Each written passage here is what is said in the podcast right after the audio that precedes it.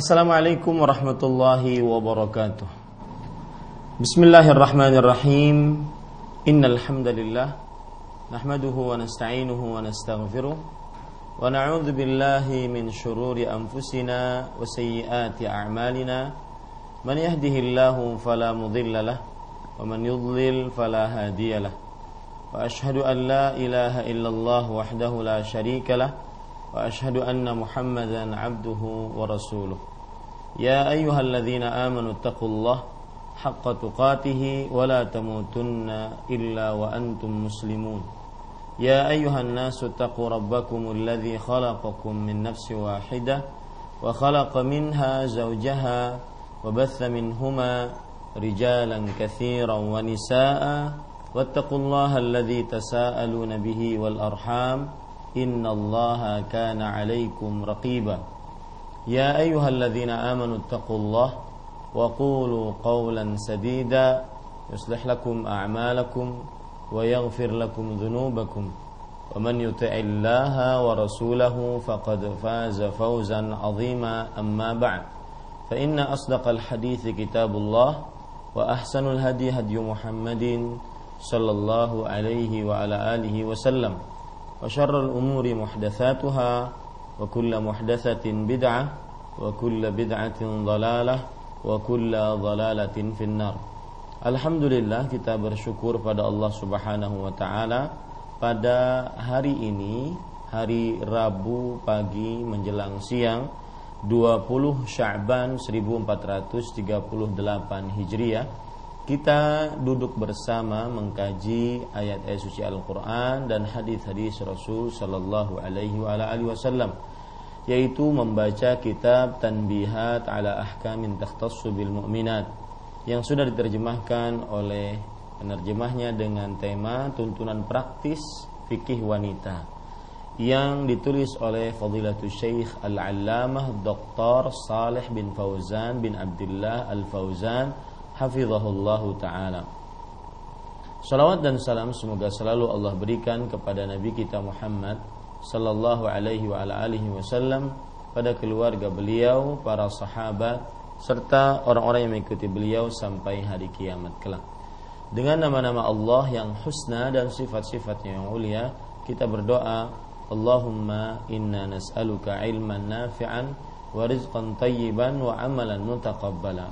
Wahai Allah sesungguhnya kami mohon kepada engkau ilmu yang bermanfaat, rezeki yang baik dan amal yang diterima. Amin ya rabbal alamin. Para pemirsa Roja TV, para pendengar Radio Roja dan seluruh kaum muslimin yang mengikuti kajian ini di mana pun anda berada. Pada kesempatan kali ini kita masih membicarakan Al-Babur Al-Faslur Rabi' Bab yang keempat penulis berkata ahkamun takhtassu bil libasi wal hijab hukum-hukum yang khusus tentang berpakaian dan hijab. Pada pertemuan sebelumnya kita sudah menyebutkan tentang salah satu syarat dari syarat pakaian wanita yang disebutkan oleh penulis adalah yaitu alla yakuna fihi zinah tulfitu anzar inda khurujiha minal manzil lialla takuna minal mutabarrijati bizina kata penulis hafizahullah taala tidak bertabarruj memamerkan perhiasan ketika keluar rumah sehingga menjadi perhatian orang lain. Pada pemirsa Roja TV dan para pendengar Radio Roja dan seluruh kaum muslimin yang mengikuti kajian ini uh, pada pertemuan sebelumnya kita sudah menyebutkan delapan syarat syarat dari pakaian wanita muslimah syarat-syarat delapan tersebut adalah yang pertama menutupi seluruh tubuh wanita kecuali yang dikecualikan. Yang kedua yaitu uh, menutup. Ya, yang kedua adalah lebar dan tidak ketat. yang ketiga tidak tipis dan hendaknya tebal. Yang keempat tidak menyerupai pakaian lelaki. Yang kelima tidak menyerupai pakaian wanita-wanita kafir.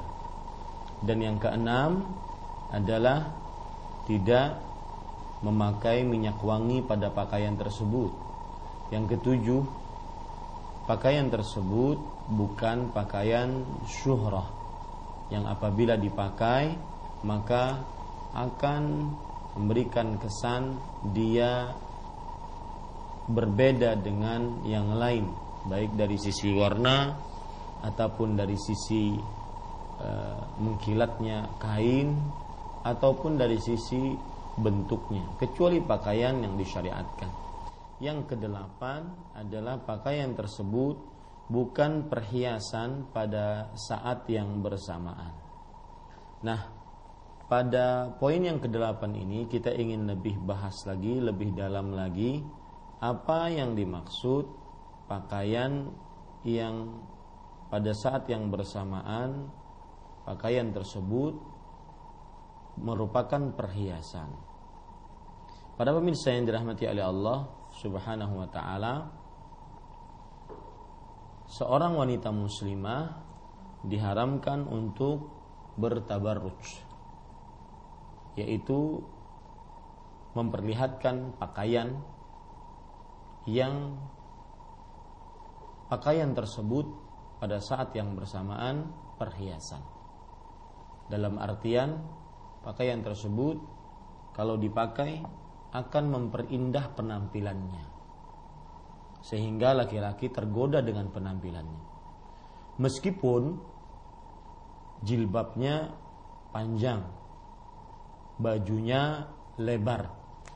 Akan tetapi pada saat yang bersamaan itu adalah pakaian yang indah. Sehingga laki-laki terpesona dan tergoda dengan pakaian tersebut. Penulis Hafizahullah taala tadi mengatakan alla yakuna fihi zinatun tulfitul anzar inda khurujiha minal manzil. Kalau kita terjemahkan yaitu di halaman 79 dari buku terjemahan kita tidak tabarruj memamerkan perhiasan ketika keluar rumah lialla takuna minal mutabarrijati bizina sehingga menjadi bahan perhatian orang lain.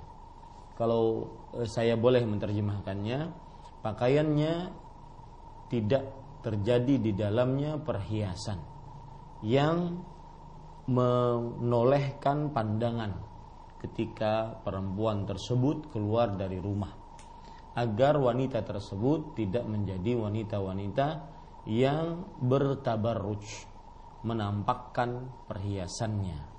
Nah, oleh karenanya kita ingin lebih dalam lagi membahas masalah tabarruj ini. Ya, membahas masalah tabarruj ini. Bapak, Ibu, saudara-saudari yang dimuliakan oleh Allah, yang dirahmati oleh Allah, kita lihat asal hukum tabarruj dalam Al-Qur'an disebutkan oleh Allah Subhanahu wa taala yaitu fi buyutikunna wa la tabarrajna tabarrujal jahiliyatil ula dan hendaklah kalian wahai para wanita berdiam diri di rumah-rumah kalian dan janganlah kalian berhias dan bertingkah laku seperti orang-orang jahiliyah di generasi pertama. Inilah asal hukum larangan tabarruj yaitu diharamkan oleh Allah Subhanahu wa taala dalam surat Al-Ahzab surat ke-33 ayat 33. Kita ingin lebih dalam lagi membahas tentang tabarruj ini. Perhatikan baik-baik bersama saya.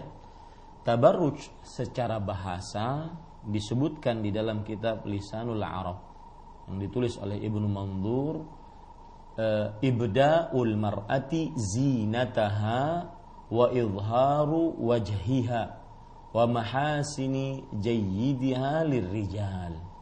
Tabarruj adalah mem, seorang wanita memperlihatkan perhiasannya, mem, menampakkan wajahnya dan kebaikan-kebaikan tubuhnya untuk para lelaki. Kemudian disebutkan juga wa kullu ma tastad'i bihi syahwatahum hatta takassur wat tabakhtur fi misyatiha ma lam yakun dzalika lizauj. Dan setiap yang mengajak dengannya syahwat-syahwat para lelaki. Setiap perbuatan yang dengannya menumbuhkan syahwat-syahwat para lelaki sampai sikap lemah gemulai berjalan lenggak-lenggok selama itu bukan untuk suami. Ini tabarruj secara bahasa disebutkan oleh eh, Ibnu Manzur dalam kitab Lisanul Arab. Para pemirsa yang dirahmati oleh Allah Subhanahu wa taala, adapun disebutkan secara istilah syariat oleh Imam Ibnu Jarir At-Tabari, Imamul Mufassirin, imamnya para ahli tafsir. Beliau mengatakan di dalam tafsirnya, "At-tabarruj huwa izharuz zina wa ibrazul mar'ati limahasiniha." Artinya, tabarruj adalah memperlihatkan perhiasan dan seorang wanita menampakkan kebaikan-kebaikannya atau keindahan-keindahan tubuhnya. Waqila huwa tabakhtur wa takassur fil misyah. Dan dikatakan tabarruj, pendapat lain adalah berlenggak-lenggok, lemah gemulai di dalam berjalan. Ini penafsiran dari Imam Ibnu Jarir At-Tabari. Di sana ada penafsiran lain yang disebutkan oleh Al-Maududi dalam kitabnya Al-Hijab.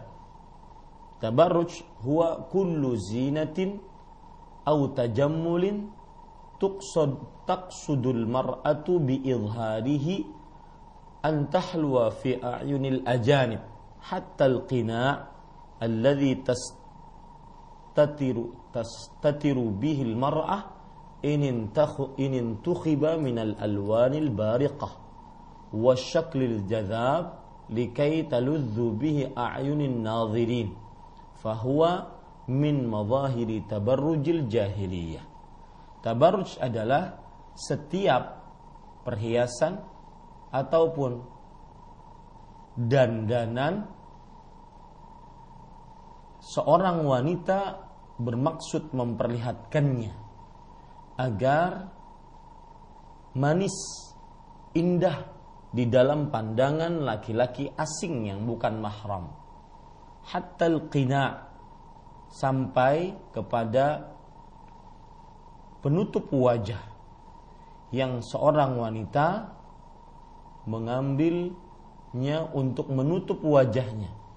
Kalau seandainya dipilih dari warna-warna yang sangat mencolok dan dari bentuk-bentuk yang sangat menawan agar pandangan mata orang-orang yang melihatnya merasa lezat dengannya merasa lezat dengannya.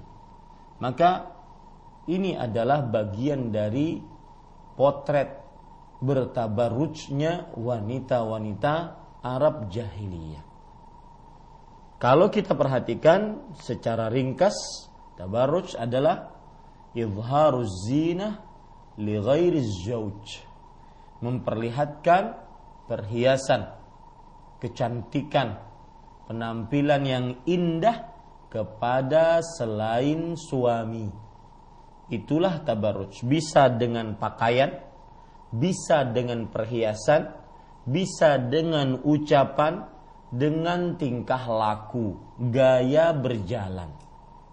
Apabila keindahan, kemanisan, kecantikan tersebut yang bisa menggoda syahwat laki-laki diperlihatkan kepada laki-laki yang bukan suaminya, maka itulah yang disebut dengan tabarruj.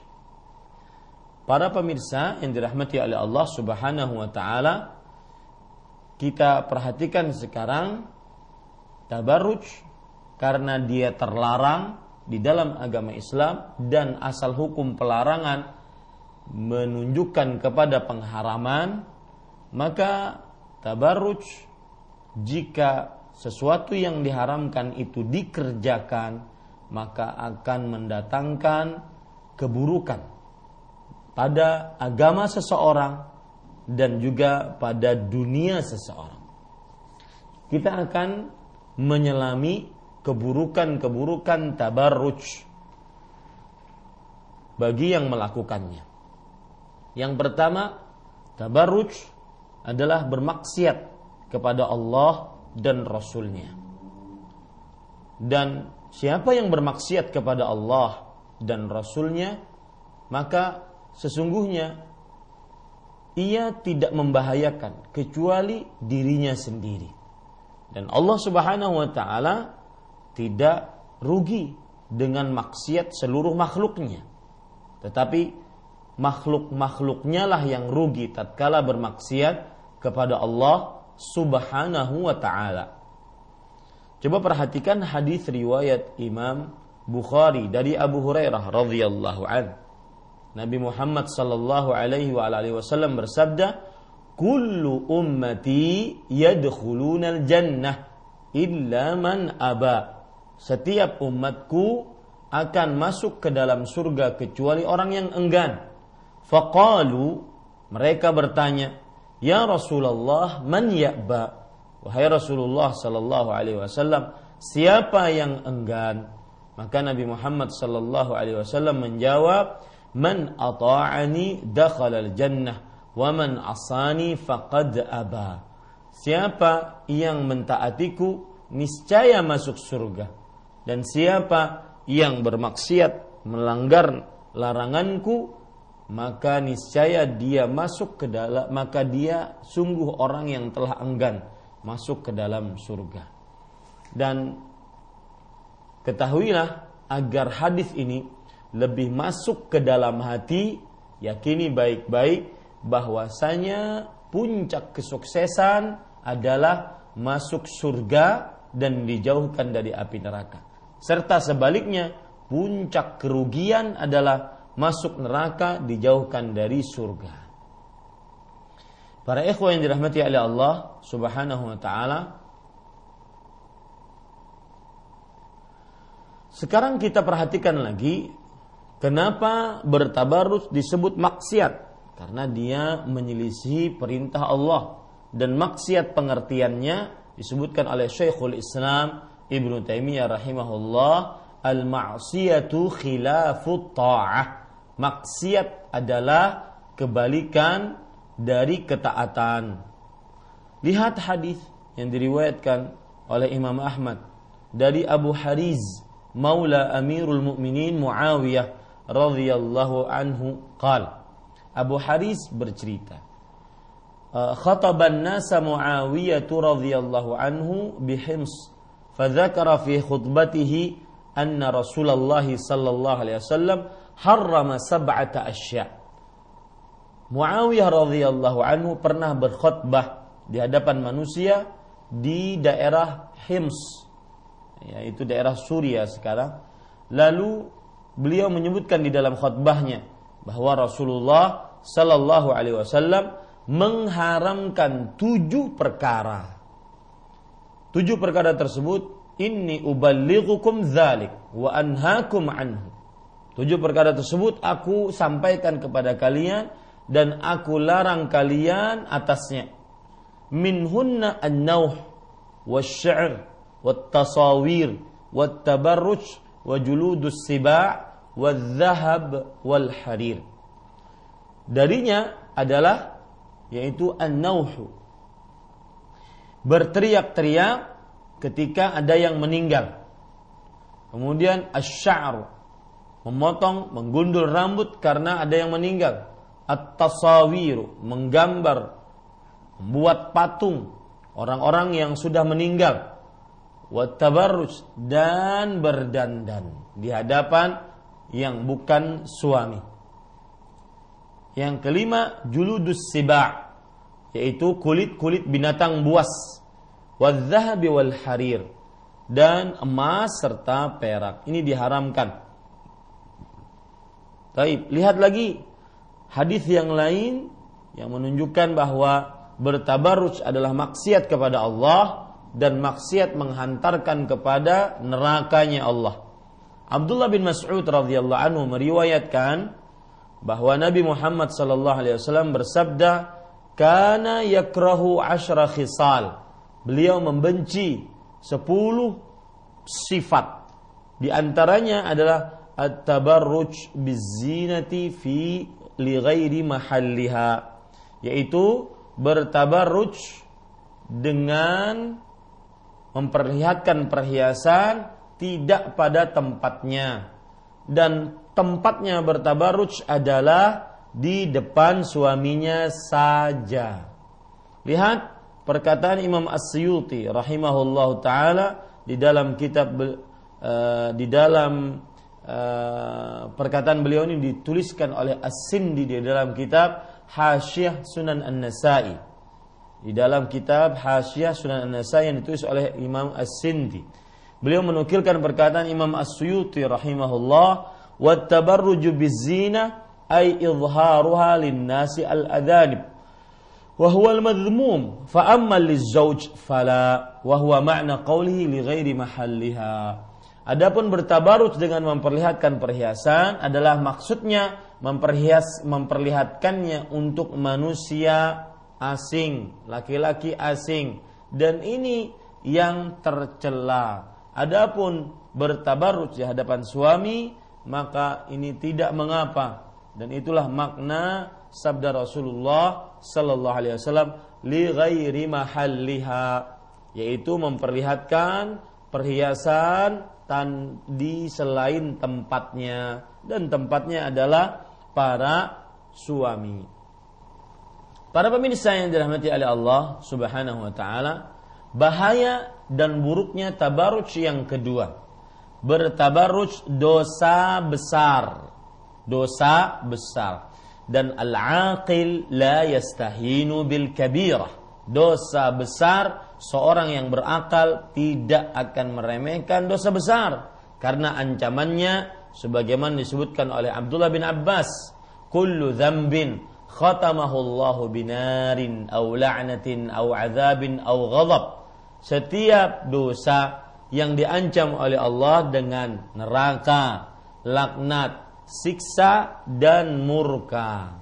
Maka bertabaruj dosa besar. Hati-hati ini wahai para wanita muslimah yang masih telanjang, yang masih tertutup sebagian pakaiannya saja, yang masih ketat pakaiannya meskipun memakai jilbab di atas kepalanya, yang masih uh, apa lagi? Yang masih uh, memakai pakaian-pakaian yang menyerupai laki-laki yang masih memakai pakaian-pakaian yang memakai minyak wangi padanya.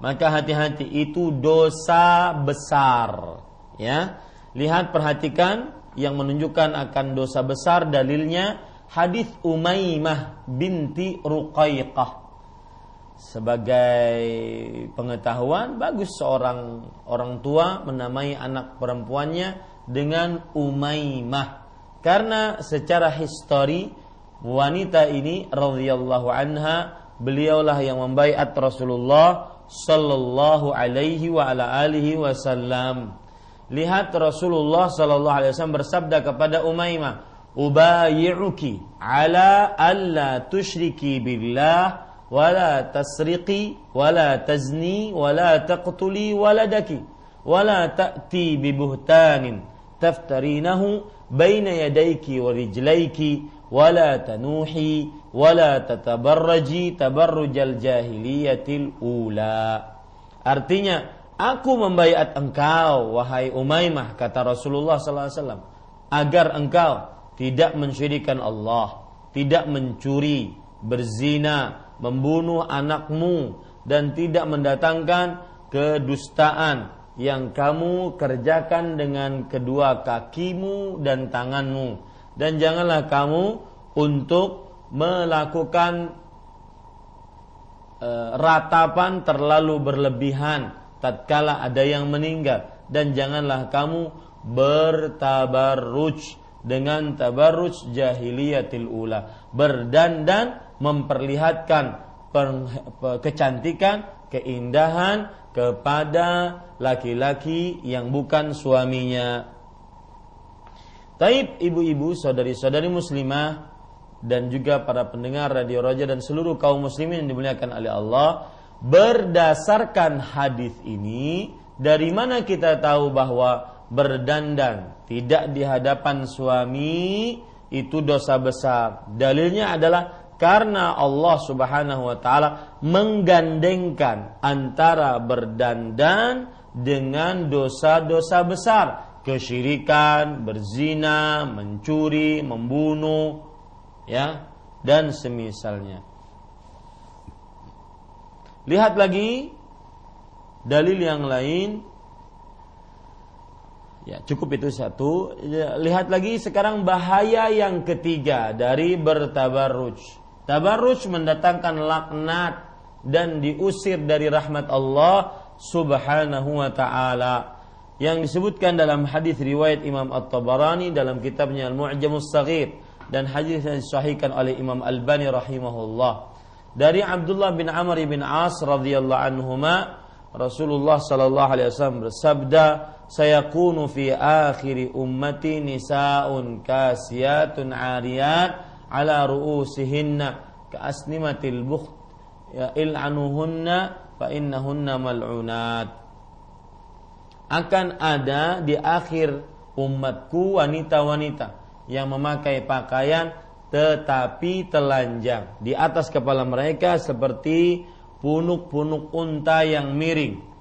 Laknatlah mereka, sesungguhnya mereka adalah wanita-wanita terlaknat. Ini ibu-ibu, saudari-saudari muslimah, para pendengar radio Roja dan seluruh kaum muslimin yang mengikuti kajian ini. Jadi yang ketiga bahayanya bertabarut sabarut adalah peng, dosa besar, ya dosa besar. Ya apa? E, tabarus mendatangkan laknat dan diusir dari rahmat Allah Subhanahu wa taala. Dan kalau seandainya seorang diusir dari rahmat Allah maka dia tidak akan pernah selamat di dunia dan di akhirat. Taib, ibu-ibu saudari-saudari muslimah para pemirsa Raja TV dan para pendengar Radio Raja dan seluruh kaum muslimin yang mengikuti kajian ini. Yang keempat yaitu bahayanya bertabarus. Tabarus termasuk dari sifat penghuni neraka. Dalam hadis dari Abu Hurairah radhiyallahu anhu yang diriwayatkan oleh Imam Muslim, Nabi Muhammad sallallahu alaihi wasallam bersabda, sinfani min ahli nar lam arahuma dua penghuni neraka yang aku tidak pernah melihat mereka berdua. Qaumun ma'ahum siyatun ka'adnabil baqar. Orang-orang yang bersama mereka membawa cambuk-cambuk seperti ekor-ekor kuda. Mereka memukuli manusia. Kemudian Rasulullah SAW bersabda, wanisaun kasiyat, ariyat, mumilat, ma'ilat. Yang kedua adalah wanita-wanita yang memakai pakaian tetapi telanjang, melenggak-lenggok dan menggoda para lelaki. Ru'usuhunna ka asnimatil bukhtil ma'ilah. Di atas kepala mereka seperti ada asnimah. Asnimah adalah sesuatu yang ada pada onta, sesuatu yang muncul ada pada onta. Itu disebut dengan punuk onta. Il'anuhunna. Laknatlah mereka.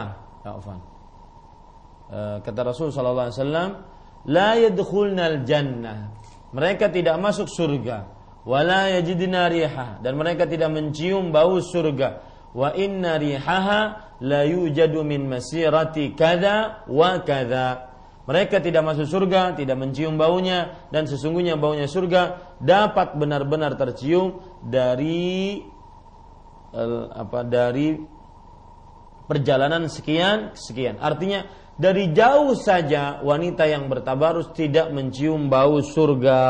Nah, ini perlu diperhatikan ibu-ibu saudari-saudari muslimah yang dimuliakan oleh Allah, terutama yang sering keluar rumah baik karena pekerjaan, pegawai di sebuah kantor, ya. Lihat, perhatikan diri Anda.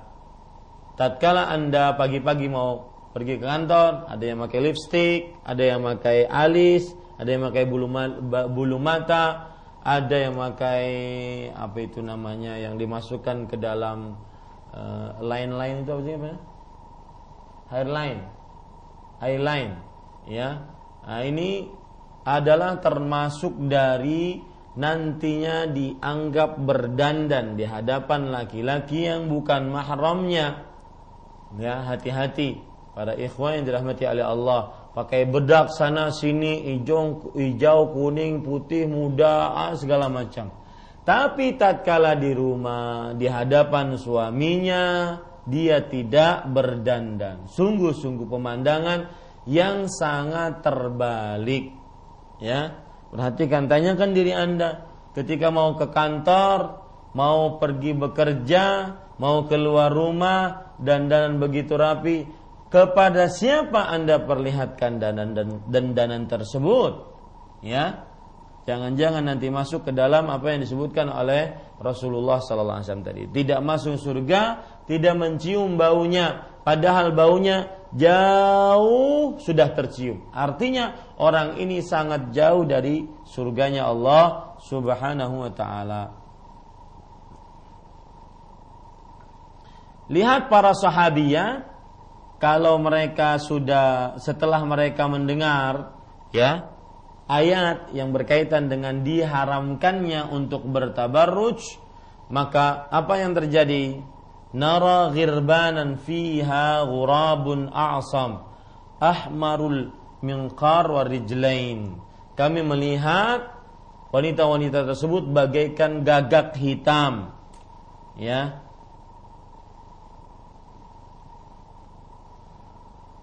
Yang mana mereka memiliki sayap yang putih dan patuk yang merah dan juga kaki yang merah. Artinya mereka memakai kain hitam sehingga tidak terlihat dari mereka kecuali benar-benar e, kain hitam tersebut.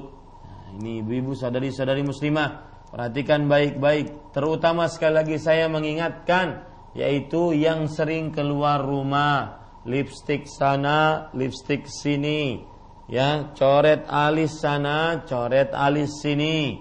Pakai bulu mata. Bulu matanya mungkin bulu mata yang harganya mungkin sekitar 500 ribu sejuta. Bulu mata e, sungai e, Borneo. Sungai apa di sini?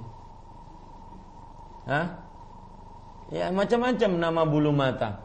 Ya maka ini hati-hati. Ini termasuk daripada berdandan. Ya berdandan.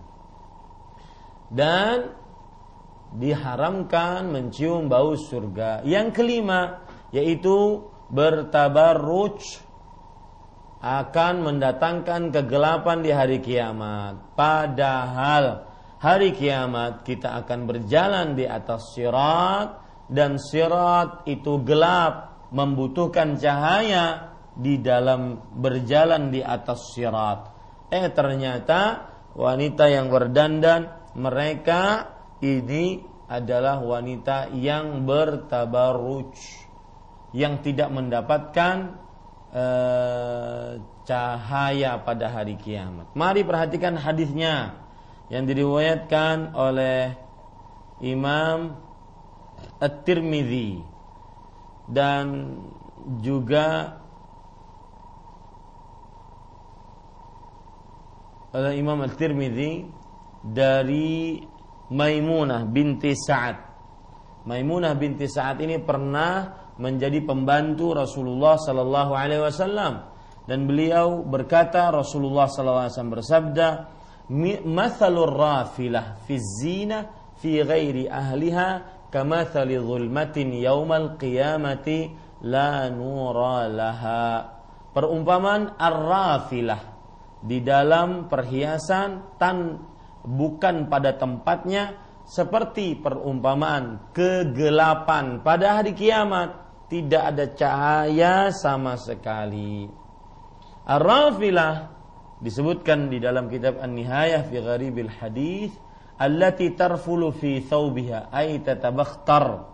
Ya yaitu wanita-wanita yang berdandan dengan pakaiannya berdandan dengan pakaiannya. Lihat ini saya perhatikan sekarang-sekarang ini para wanita sudah bagus jilbabnya panjang kemudian baju dalamnya baju abayanya itu lebar bagus. Akan tetapi yang kurang adalah mulai memperindah dengan jilbabnya.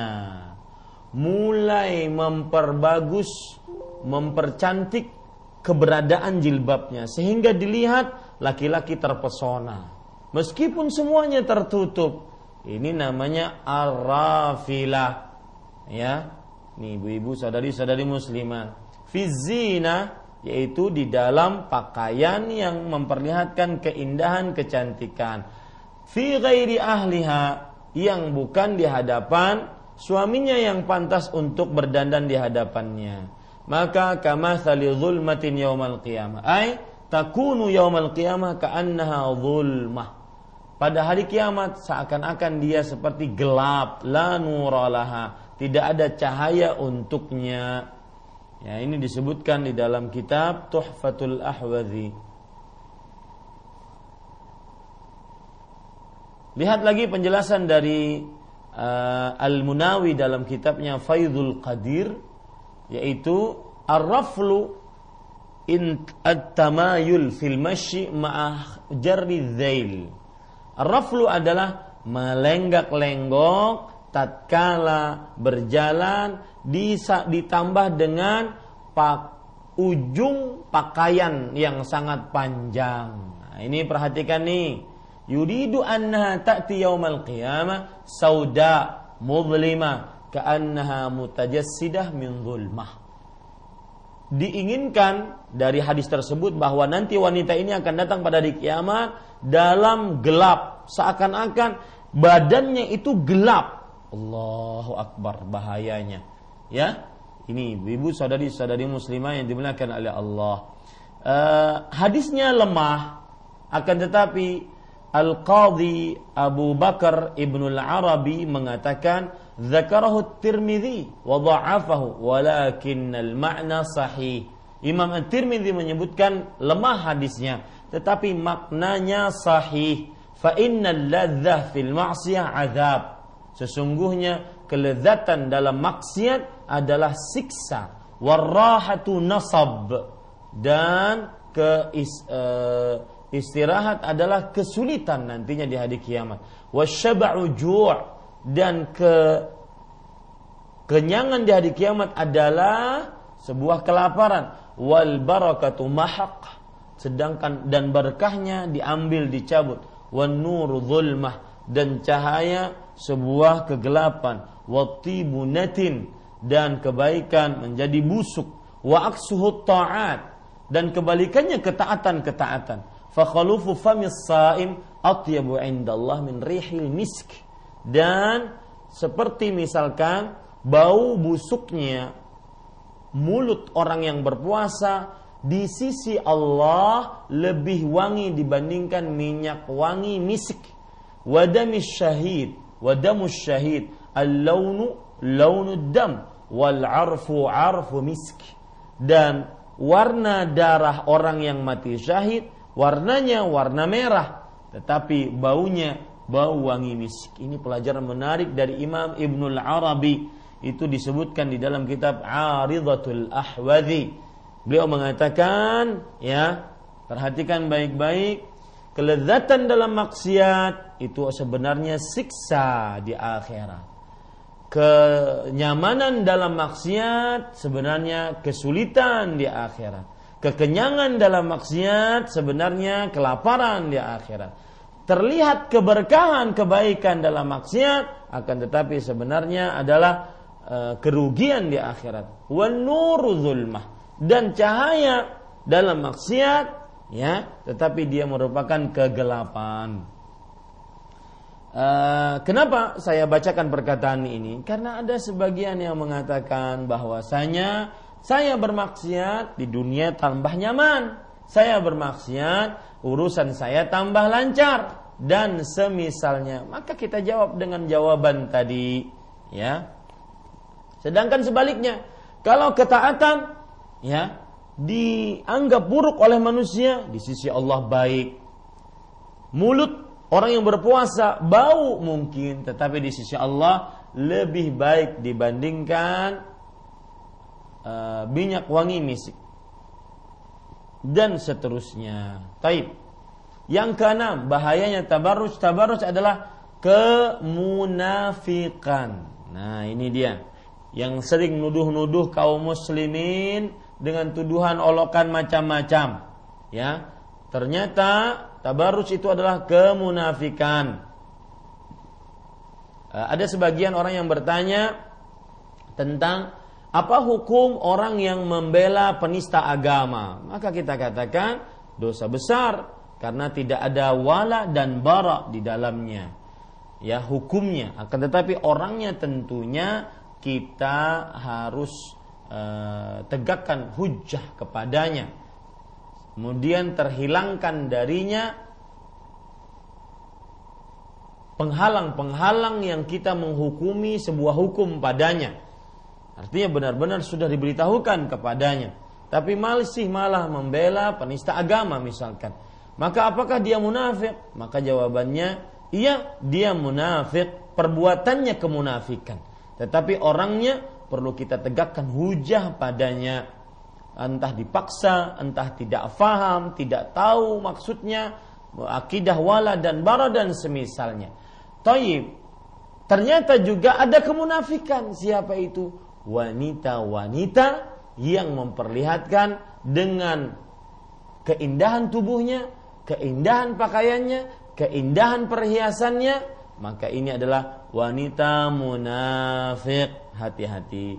Disebutkan di dalam Sunan Al-Baihaqi oleh Imam Al-Baihaqi dari Abu Aziyah dari Abu Azinah As-Sadafi radhiyallahu an Rasulullah sallallahu alaihi wasallam bersabda khairu nisaikumul wadudul walud.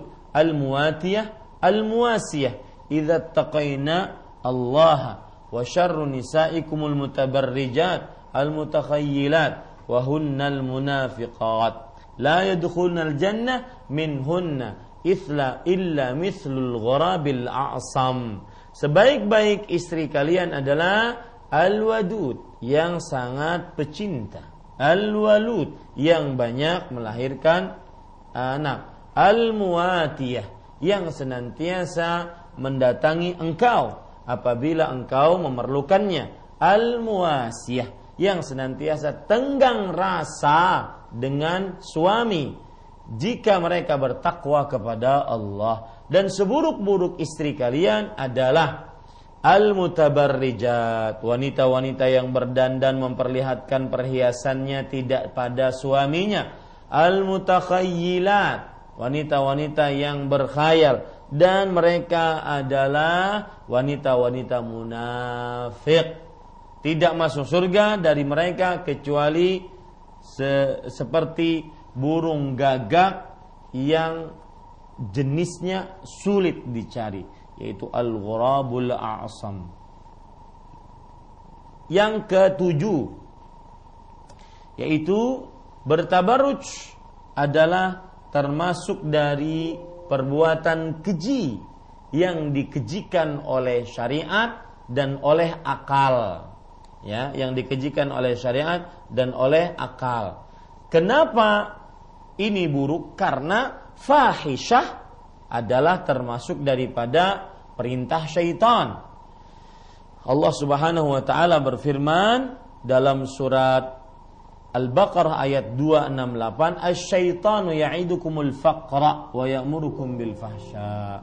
Syaitan menjanjikan kepada kalian kemiskinan dan memerintahkan kepada kalian perbuatan fahsya.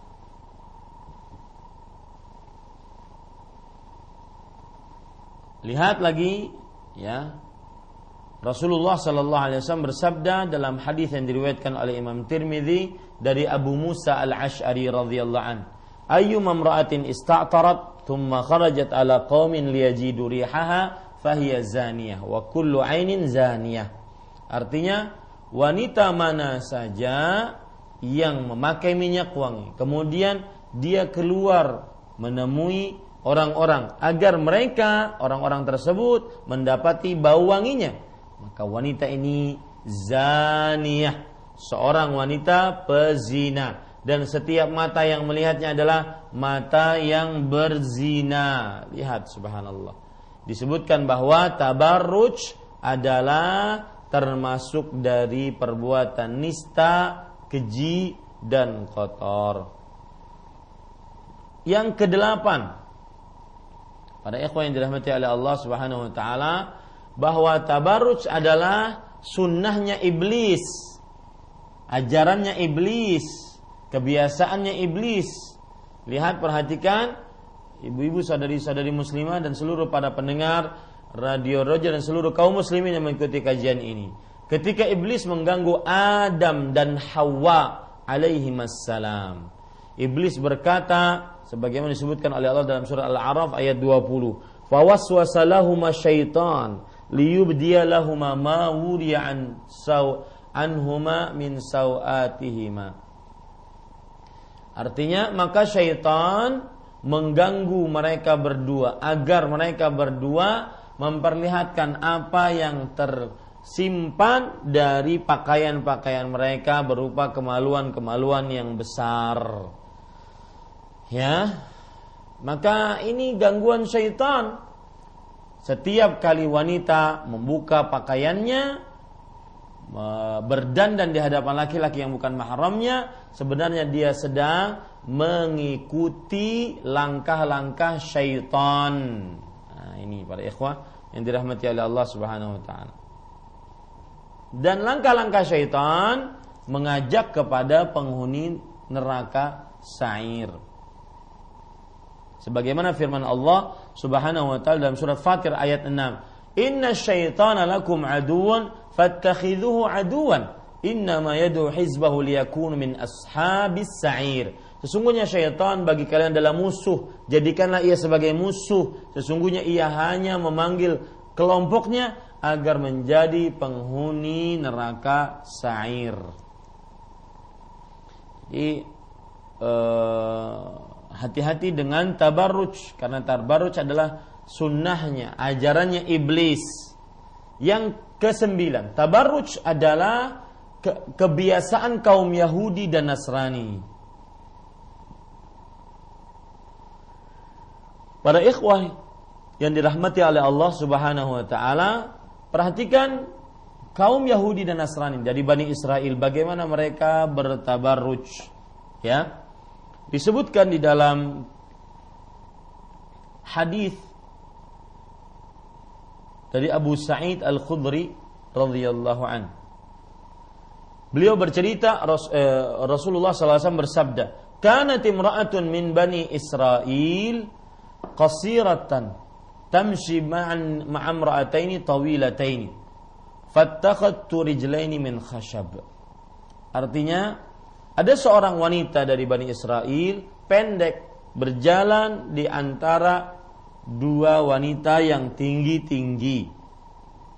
Maka si orang yang pendek ini menjadikan kayu sebagai high heelsnya, sebagai sepatu yang tinggi untuk dia. Wa khataman min zahab dan juga satu cincin dari emas. Mughallafan bitin. Dan cincin tersebut tertutup dengan rahmat Allah eh, dengan eh, tanah maksud saya. Thumma hasyathu miskan. Kemudian diberikan minyak wangi. Wa huwa atyabut tib. Dan ini adalah minyak wangi yang paling wangi. Famarartu bainal mar'atain falam ya'rifuha famarrat bainal mar'atain falam ya'rifuha faqalat biyadiha hakadha lalu wanita tadi yang berdandan tadi berjalan di antara dua wanita yang tinggi-tinggi tadi. Lalu orang-orang tidak mengenal dia. Lalu dia berkata dengan tangannya seperti ini. Ya, agar keciuman bau wanginya. Ini ibu-ibu saudari-saudari muslimah yang dimuliakan oleh Allah Subhanahu wa taala dan seluruh para pendengar Raja TV, Radio Raja dan seluruh kaum muslimin yang mengikuti kajian ini. Kemudian para ikhwah yang dirahmati oleh Allah Subhanahu wa taala, tabarruj buruknya adalah kebiasaan Arab jahiliyah. Arab jahiliyah. Ayatnya yang awal kita baca tadi yaitu surat Al-Ahzab surat ke-33 ayat 33. Allah Subhanahu wa taala berfirman, "Wa qarna fi buyutikunna wa la tabarrajna tabarrujal jahiliyatil ula." dan hendaklah kalian para wanita berdiam diri di rumah-rumah kalian dan janganlah kalian berdandan sebagaimana wanita-wanita jahiliyah berdandan. Seperti apa wanita jahiliyah berdandan? Para ikhwan yang dirahmati oleh Allah. Perhatikan baik-baik. Wanita Arab jahiliyah berdandan sebagaimana yang disebutkan di dalam surah eh, tafsir uh, Ibnu Katsir rahimahullah saya bacakan di sini Kata Imam Ibnu Katsir, "Idza kharajtunna min buyutikunna wa kanat lahunna misyatun wa takassurun wa taghannujun, fanahallahu taala an dzalik." Ketika para wanita tersebut keluar dari rumah-rumah mereka, mereka mempunyai cara berjalan yang lemah gemulai dan menca mereka memiliki melenggak-lenggok ya maka Allah Subhanahu wa taala melarang akan hal itu. Itulah tabarrutnya wanita Arab jahiliyah di zaman dahulu.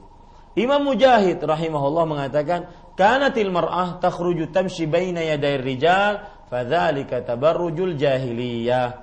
Wanita sering keluar berjalan di hadapan para lelaki, maka itulah yang disebut dengan tabarruj jahiliyah berdandan ala wanita jahiliyah. Ini yang suka keliweran, seliweran di hadapan para laki di pasar, di kantor, bahkan kadang-kadang bukan hanya seliweran, kadang-kadang ngobrol berduaan, kadang-kadang colek-colekan, tertawa-tertawa bersama, makan bersama, ya padahal bukan saudara, bukan suami, bukan kakak, bukan mahram. Ya, saya kadang-kadang agak kesal melihat para pegawai-pegawai apabila makan bersama-sama antara laki-laki dan perempuan di sebuah rumah makan bisa tertawa terbahak-bahak bisa uh, cerita sana sini bisa akrab sedangkan kepada pasangannya suami membawa istrinya istri menemani suaminya kadang-kadang sangat dingin kadang-kadang tidak ada uh, ruh pada pertemuan tersebut. Ini para pemirsa yang dirahmati oleh Allah Subhanahu wa taala. Sangat dingin. Bahkan kadang saya pernah melihat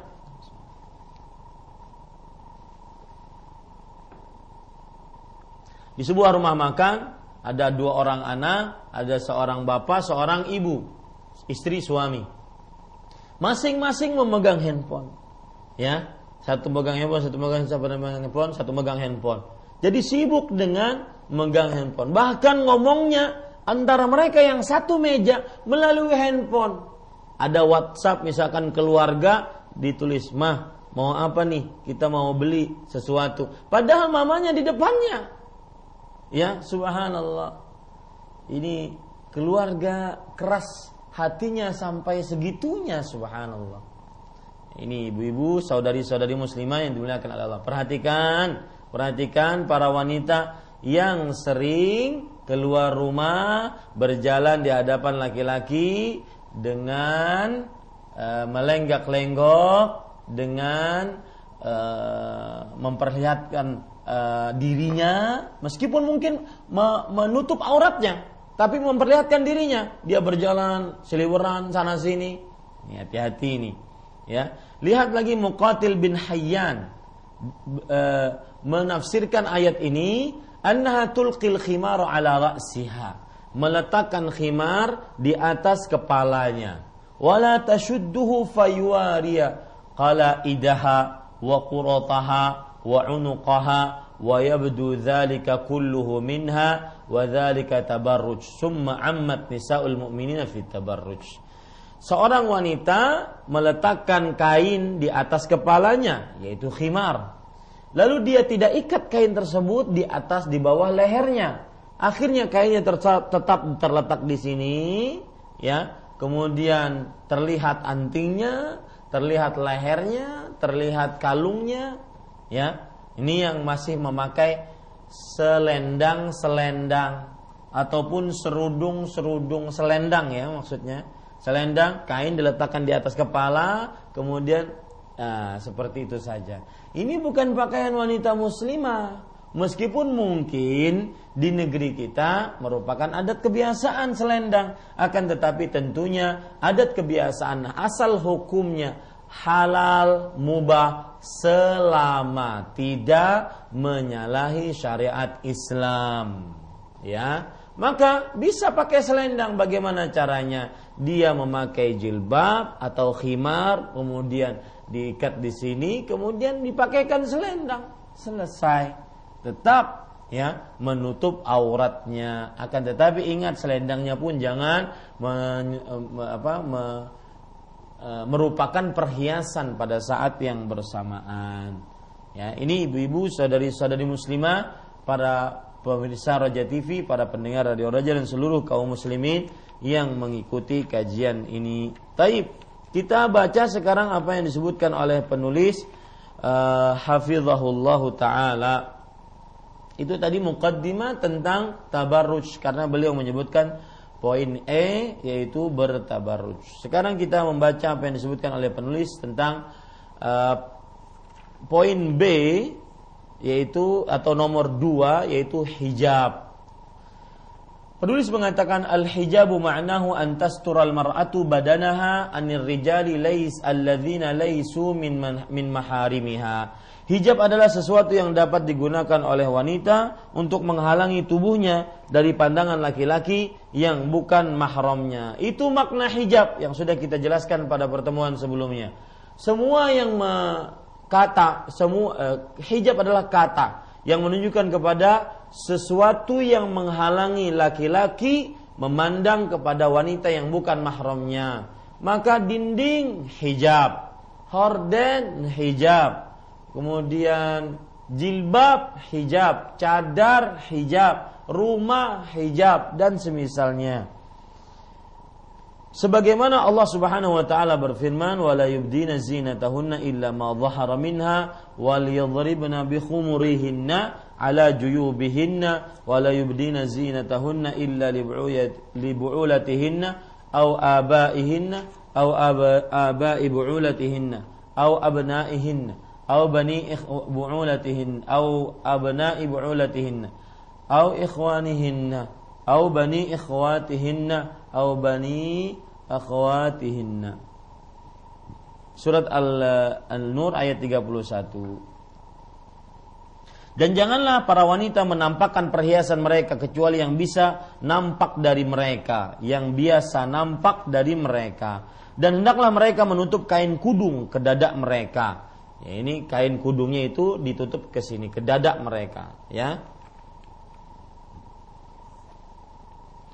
Dan janganlah menampakkan perhiasan mereka kecuali kepada suami mereka atau ayah mereka atau ayah suami mereka atau putra-putri mereka atau putra-putri suami mereka atau saudara-saudara mereka.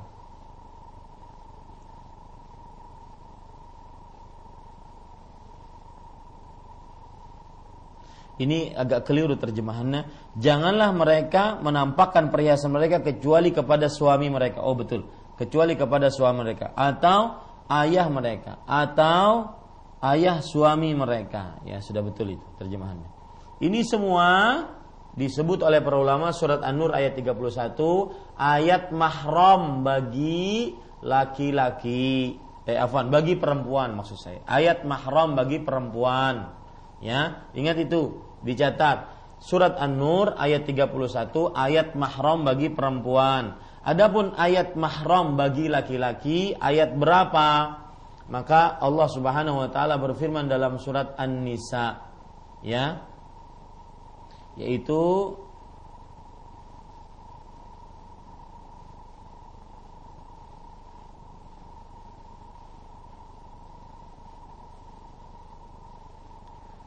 Uh, surah An-Nisa surat keempat ayat 23. Nah, itu perhatikan baik-baik.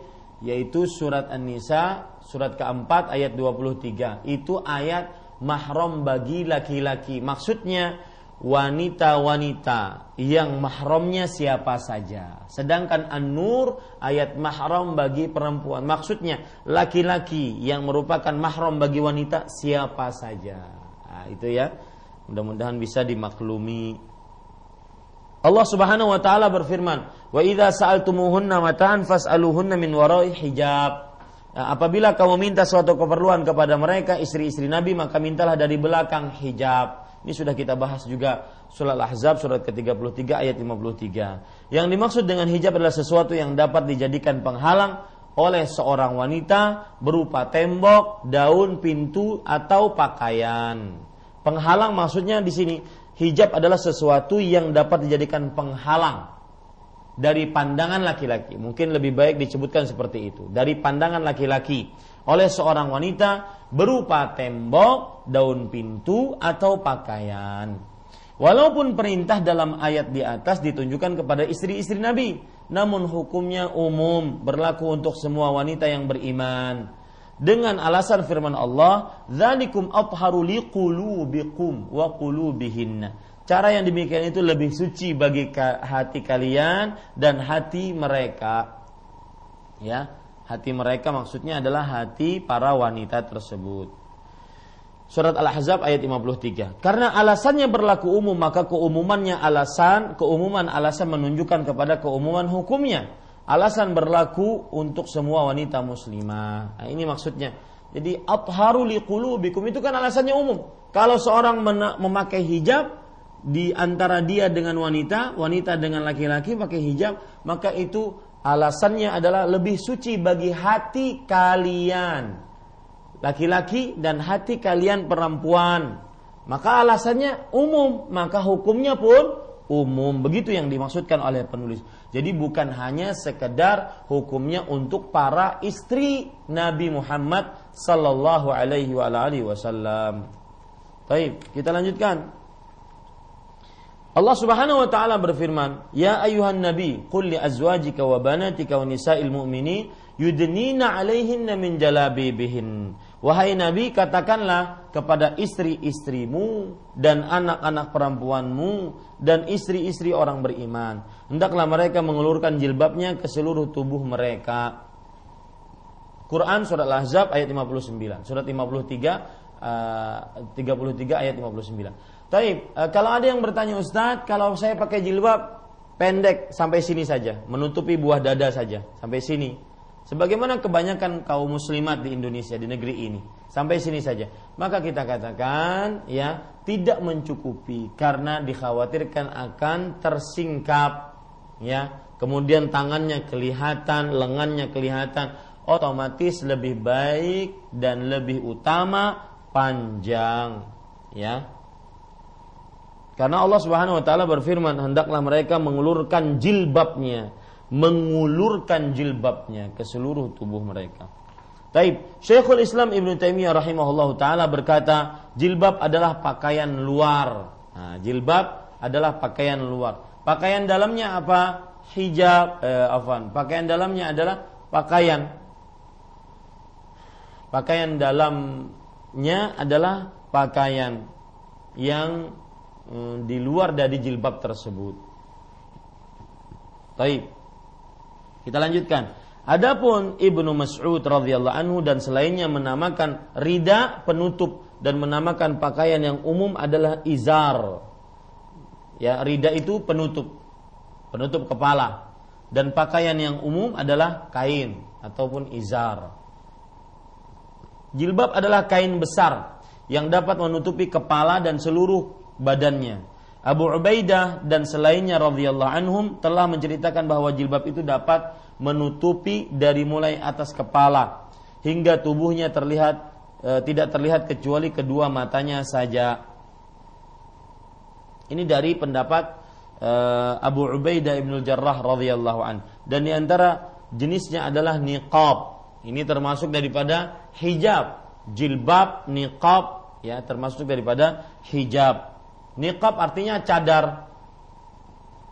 Di antara dalil hadis Nabi Muhammad wasallam yang mewajibkan wanita menutup wajahnya dari laki-laki yang bukan mahram adalah hadis riwayat Aisyah radhiyallahu anha. Ia berkata, "Kana rukban yamurruna baina uh, yamurruna bina wa nahnu ma'a Rasulillah sallallahu alaihi wasallam muhrimat. Fa idza hadhu bina sadalat ihdana jilbabaha al min ra'siha la wajha fa idza jawazana kashafnahu." Uh, artinya rombongan berkendaraan melintasi kami. Kami di sini adalah istri-istri Nabi. Ada rombongan orang-orang naik onta melintasi istri-istri Nabi ketika dalam perjalanan. Kami sedang dan kami saat itu dalam keadaan berihram bersama Rasulullah SAW. Dan wanita yang sedang berihram tidak diperbolehkan untuk memakai cadar dan memakai kedua kaos tangan. Ya, makanya beliau mereka buka. Tetapi apabila ada laki-laki yang bukan mahramnya melewati dia maka ditutuplah wajah-wajah mereka tersebut. Ya. Nah, ini menunjukkan bahwasanya penutupan wajah ya oleh para sahabiat Nabi Muhammad sallallahu alaihi wasallam. Jadi penulis di sini lebih condong kepada pendapat wajah itu aurat dan wajib ditutup dan itu pendapat yang mempunyai dalil dalil-dalilnya kuat tetapi di sana terdapat pendapat lain yaitu bahwa wajah dan kedua telapak tangan tidak aurat. Dalil-dalil wajibnya wanita-wanita menutup wajahnya dari laki-laki yang bukan mahramnya cukup banyak. Akan kami tunjukkan beberapa referensi buku wahai saudaraku kaum muslimah yang menjelaskan tentang hijab dan pakaian dalam sholat.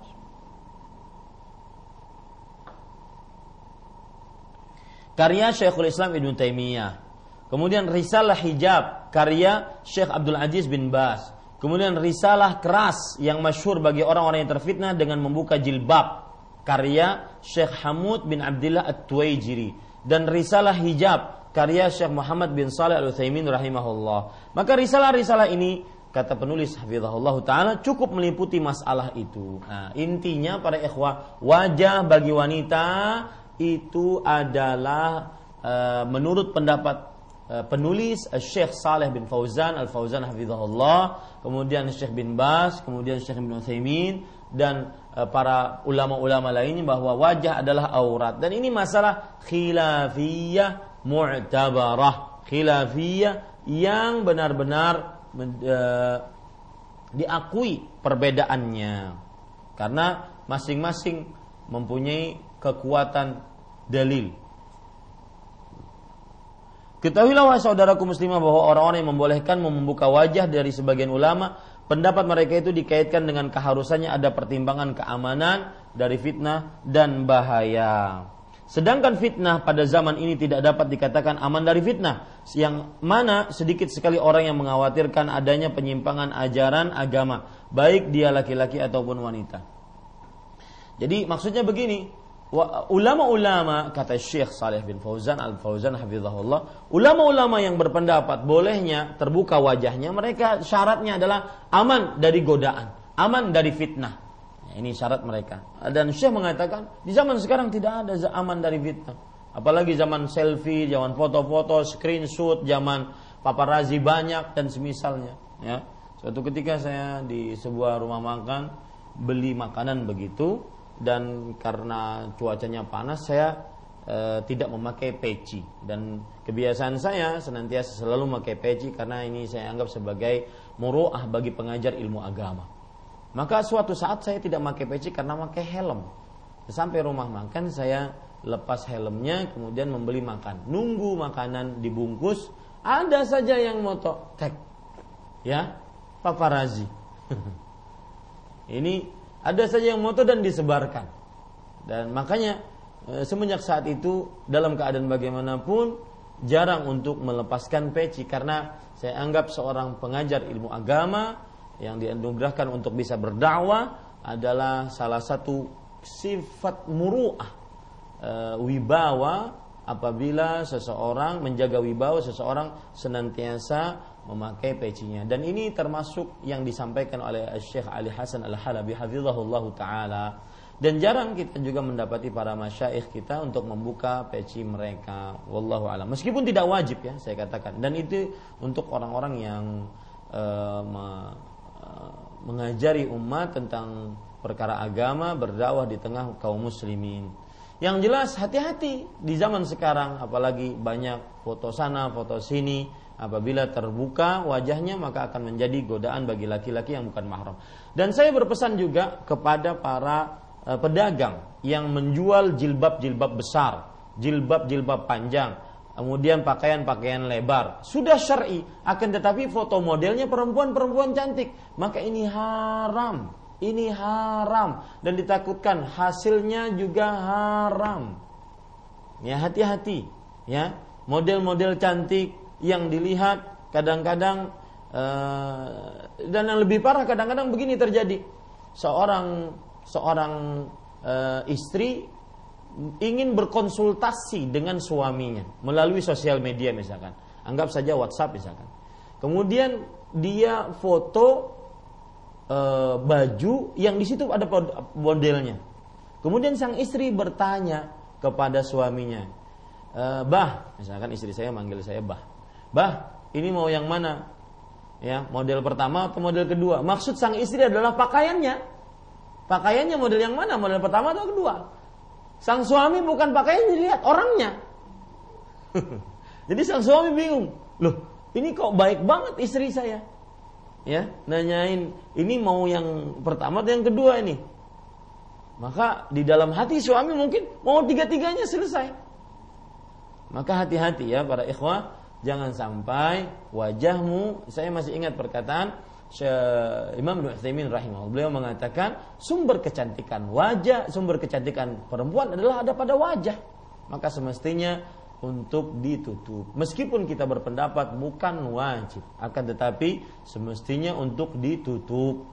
Karena satu perintah Allah, yang kedua perintah Rasulullah, yang ketiga dikerjakan oleh para sahabiat istri-istri Nabi, sahabat-sahabat wanita Nabi Muhammad SAW yang diridhoi oleh Allah dan para ulama bersepakat bahwa memakai cadar lebih utama dibandingkan tidak memakai cadar. Meskipun sekali lagi eh, ada yang pendapat yang mengatakan wajib, ada yang pendapat yang mengatakan sunnah. Wallahu alam. Ya.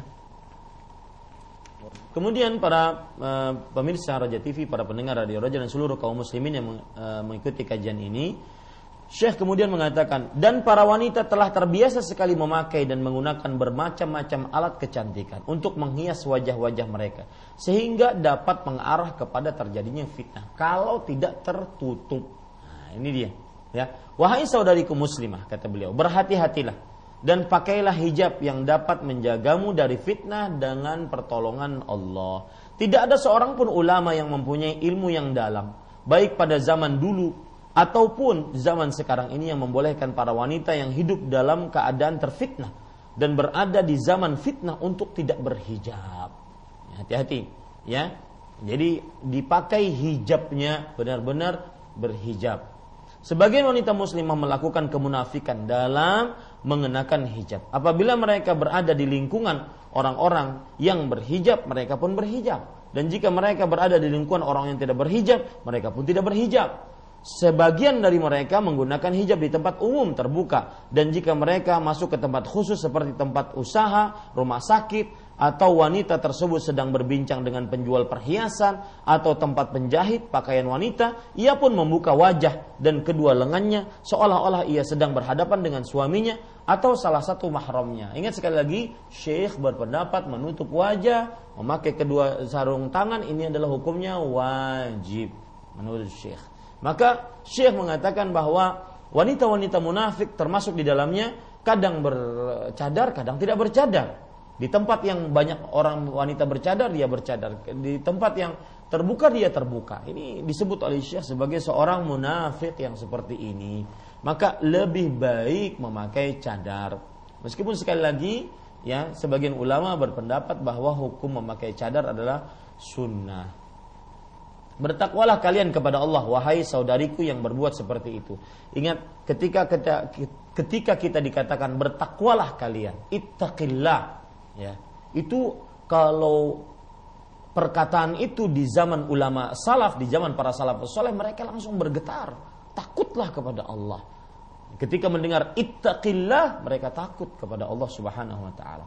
Kami telah menyaksikan sebagian dari wanita yaitu e, di sini disebutkan dalam terjemahannya Timur Tengah yang sedang berada di kapal terbang dari luar negeri dan akan tiba di bandara di airport. Mereka tidak memakai hijab kecuali pada waktu kapal terbang akan landas pada salah satu airport di dalam negerinya.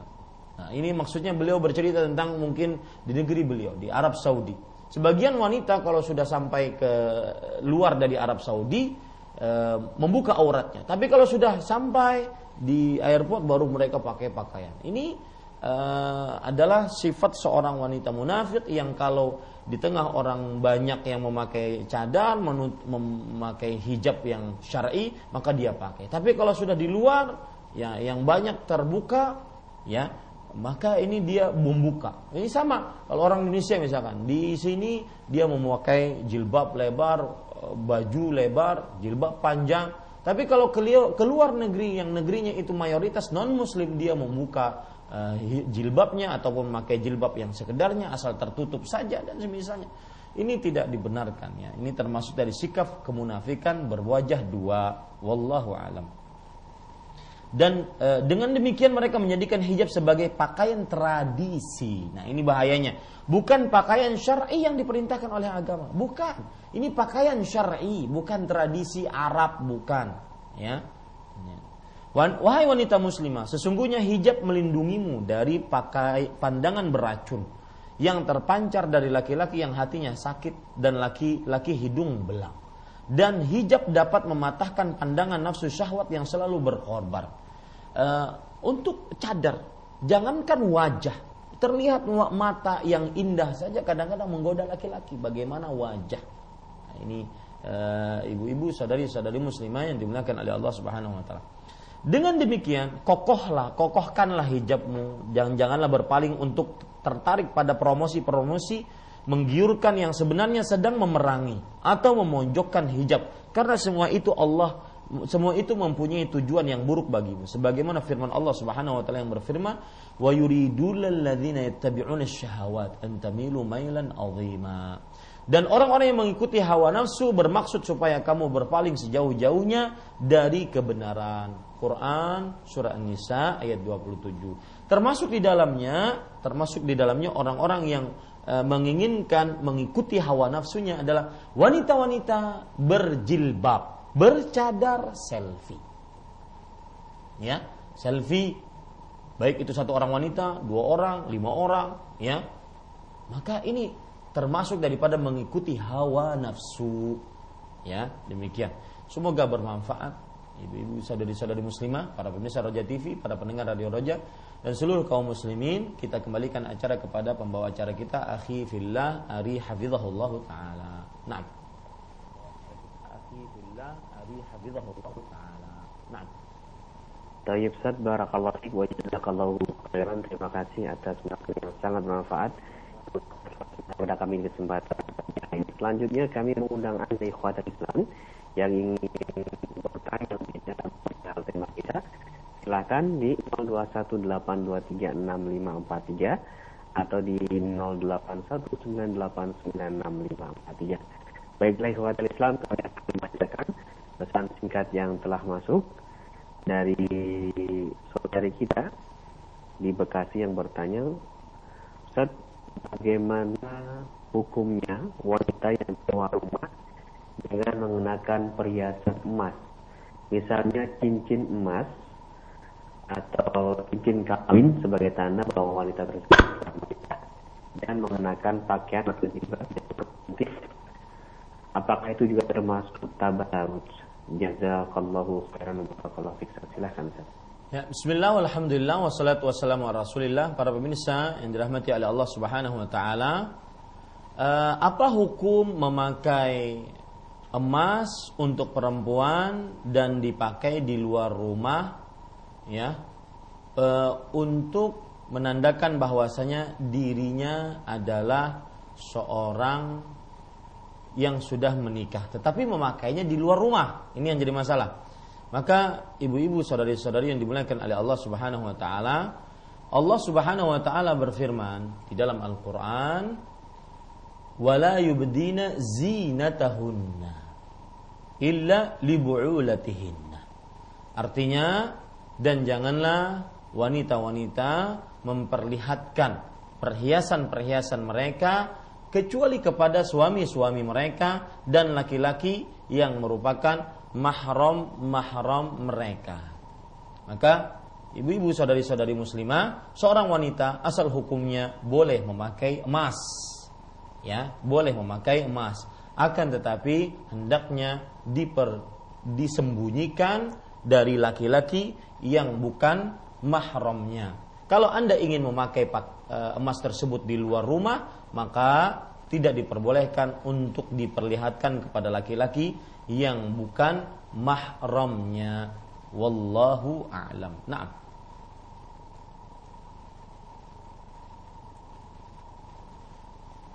terima kasih atas semua bermanfaat untuk ibu dan bapak semuanya.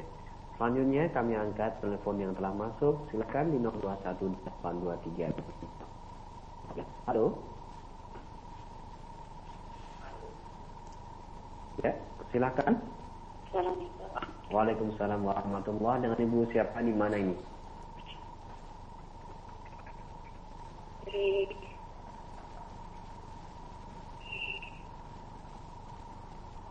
Halo?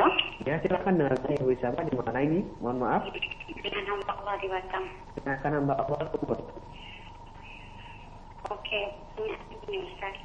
Oh, kadang-kadang saya memang pakai cadar. Kadang-kadang tidak itu aja Bu. Ya,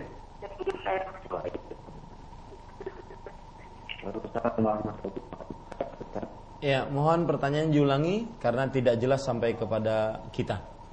Ya, pertanyaan diulangi tidak jelas sampai kepada kita. Ya, uh, pertanyaan dari ibu seorang ibu di Batam yang bertanya, Ustaz, bagaimana hukumnya dengan saya? kadang-kadang saya keluar rumah bercadar kadang-kadang saya keluar rumah tidak juga pakai cadar silakan Ustaz. Ya, bismillah walhamdulillah wassalatu wassalamu rasulillah. Apabila seorang ibu ini keluar rumah bercadar dan kadang-kadang tidak bercadar, maka dilihat kalau seandainya ibu ini menganggap cadar itu wajib, maka dia berdosa kalau melakukan melakukan e, perbuatan seperti itu. Kadang bercadar, kadang tidak bercadar.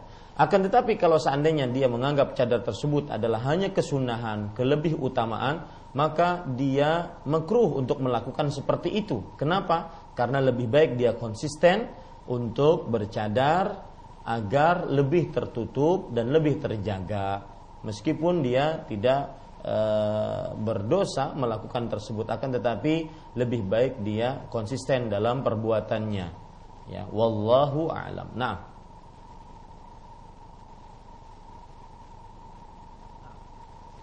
Syukur Ustaz atas jawab. Selanjutnya angkat kembali telepon yang kedua silakan.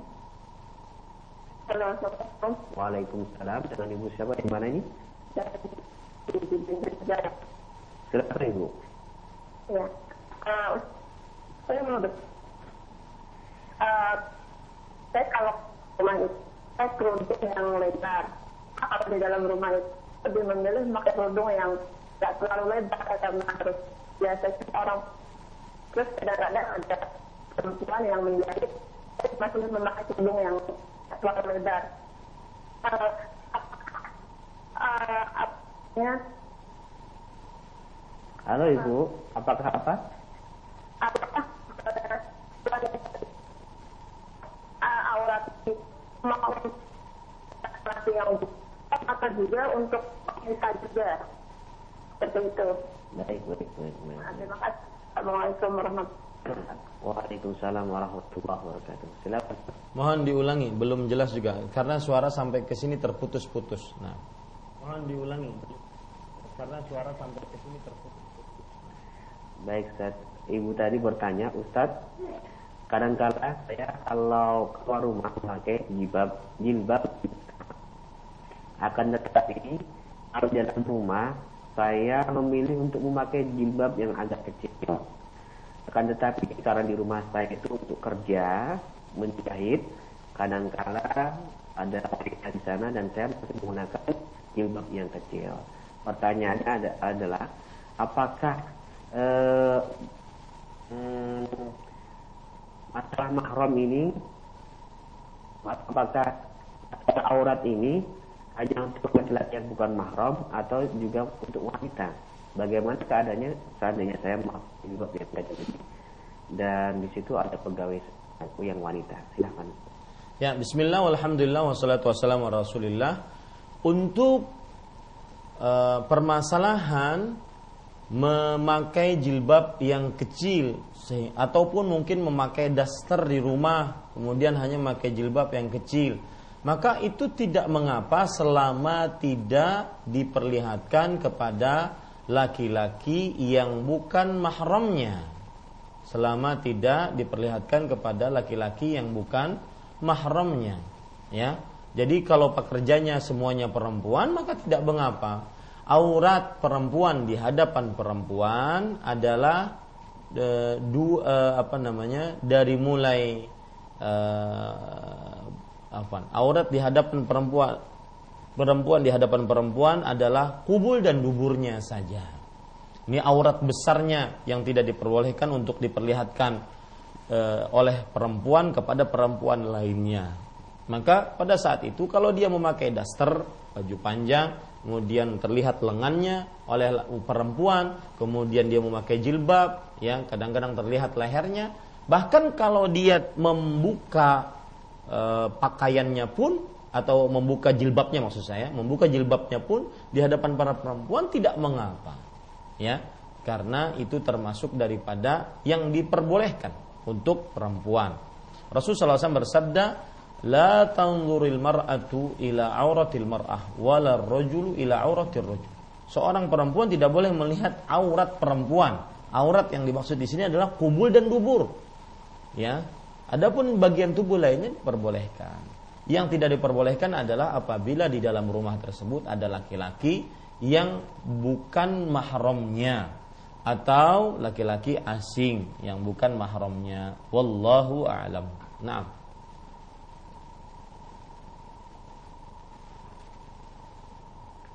Baik Terima kasih atas jawabannya. Berikut kami akan bacakan ucapan singkat yang telah masuk dari saudari Rifa di Malang yang bertanya. Ustaz bagaimana jika suami menginginkan istrinya untuk tampil dan dan tidak menggunakan hijab yang syar'i dan bercadar? Mohon solusinya. Ya, bismillah walhamdulillah wassalatu wassalamu ala rasulillah. Sering sekali pertanyaan ini ditanyakan, maka kaedahnya begini. Ketaatan kepada seorang makhluk, siapa pun dia, tidak dapat dikerjakan kecuali jika merupakan ketaatan kepada Allah. Atau bahasa lain seperti ini, tidak ada ketaatan kepada seorang makhluk pun dalam perihal bermaksiat kepada Allah. La ta'ata fi makhlukin fi li makhlukin fi ma'siyatillah. Tidak ada ketaatan kepada seorang makhluk siapa pun dalam perihal bermaksiat kepada Allah. Baik itu istri taat kepada suaminya, anak taat kepada orang tuanya, murid taat kepada gurunya, rakyat taat kepada pemimpinnya, maka pada saat itu tidak ada ketaatan kecuali dalam perihal uh, dalam uh, tidak ada ketaatan sedikit pun ya dalam perihal bermaksiat kepada Allah Subhanahu wa taala. Kecuali taat kepada Allah harus taat kepada Allah. Tidak ada ketaatan kepada makhluk sedikit pun kecuali dalam perihal bermaksiat kepada Allah Subhanahu wa taala. Wallahu alam. Nah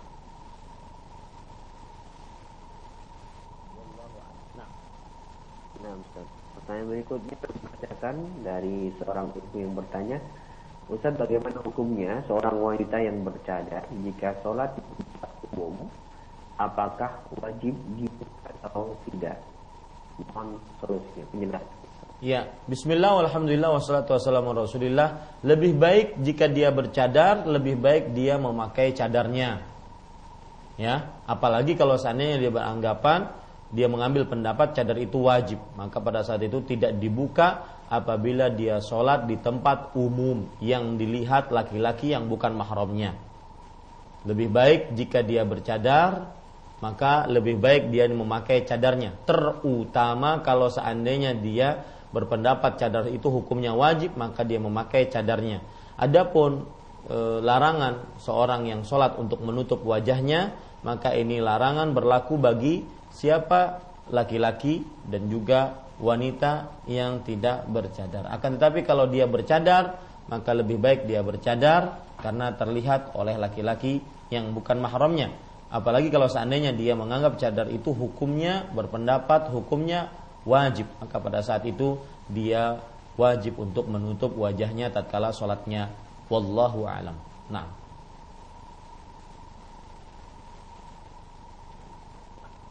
Baik, nanti mau jawabannya semoga begitu.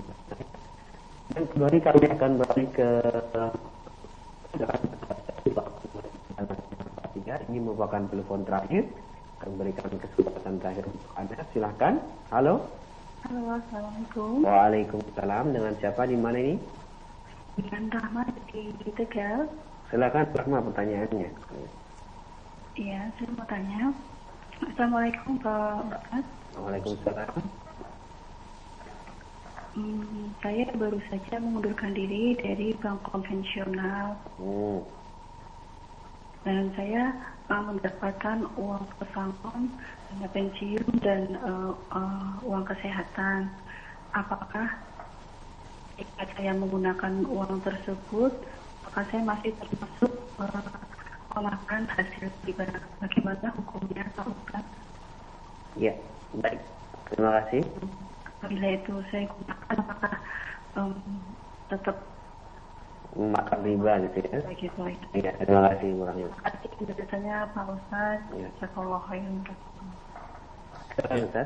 Bismillah walhamdulillah wassalatu wassalamu ala rasulillah Para pemirsa yang dirahmati oleh Allah subhanahu wa ta'ala uh, Yang pertama kita ingin ucapkan bahwa kepada saudari Rahma kalau tidak salah namanya uh, bersyukur kepada Allah Subhanahu wa taala atas petunjuk untuk bisa melepaskan diri dari pekerjaan yang diharamkan yaitu bekerja di bank konvensional ataupun tempat-tempat ribawi lainnya. Ya tempat-tempat ribawi lainnya dan para ikhwan yang dirahmati oleh Allah Subhanahu wa taala. Kemudian yang kedua yang ingin saya ucapkan kepada saudari adalah uh, teruslah bertaubat kepada Allah Subhanahu wa taala atas dosa-dosa yang pernah kita lakukan. Jangan sampai kita merasa aman dari siksa Allah Subhanahu wa taala. Memang taubat tersebut akan menghapuskan dosa-dosa kita. Tidak tersisa sama sekali. Seluruh dosa akan terhapus. Dan taubat tersebut akan menggantikan dosa-dosa kita dengan pahala. Akan tetapi teruslah memohon ampunan kepada Allah. Jangan merasa kita sudah benar-benar diampuni oleh Allah Subhanahu wa taala sehingga menjadikan diri kita kemudian meremehkan dosa yang pernah kita lakukan. Teruslah beristighfar, teruslah menyesal atas perbuatan dosa tersebut. Kemudian yang ketiga, berdoalah kepada Allah agar istiqamah. Jangan sampai terulang kembali untuk melakukan perbuatan dosa tersebut.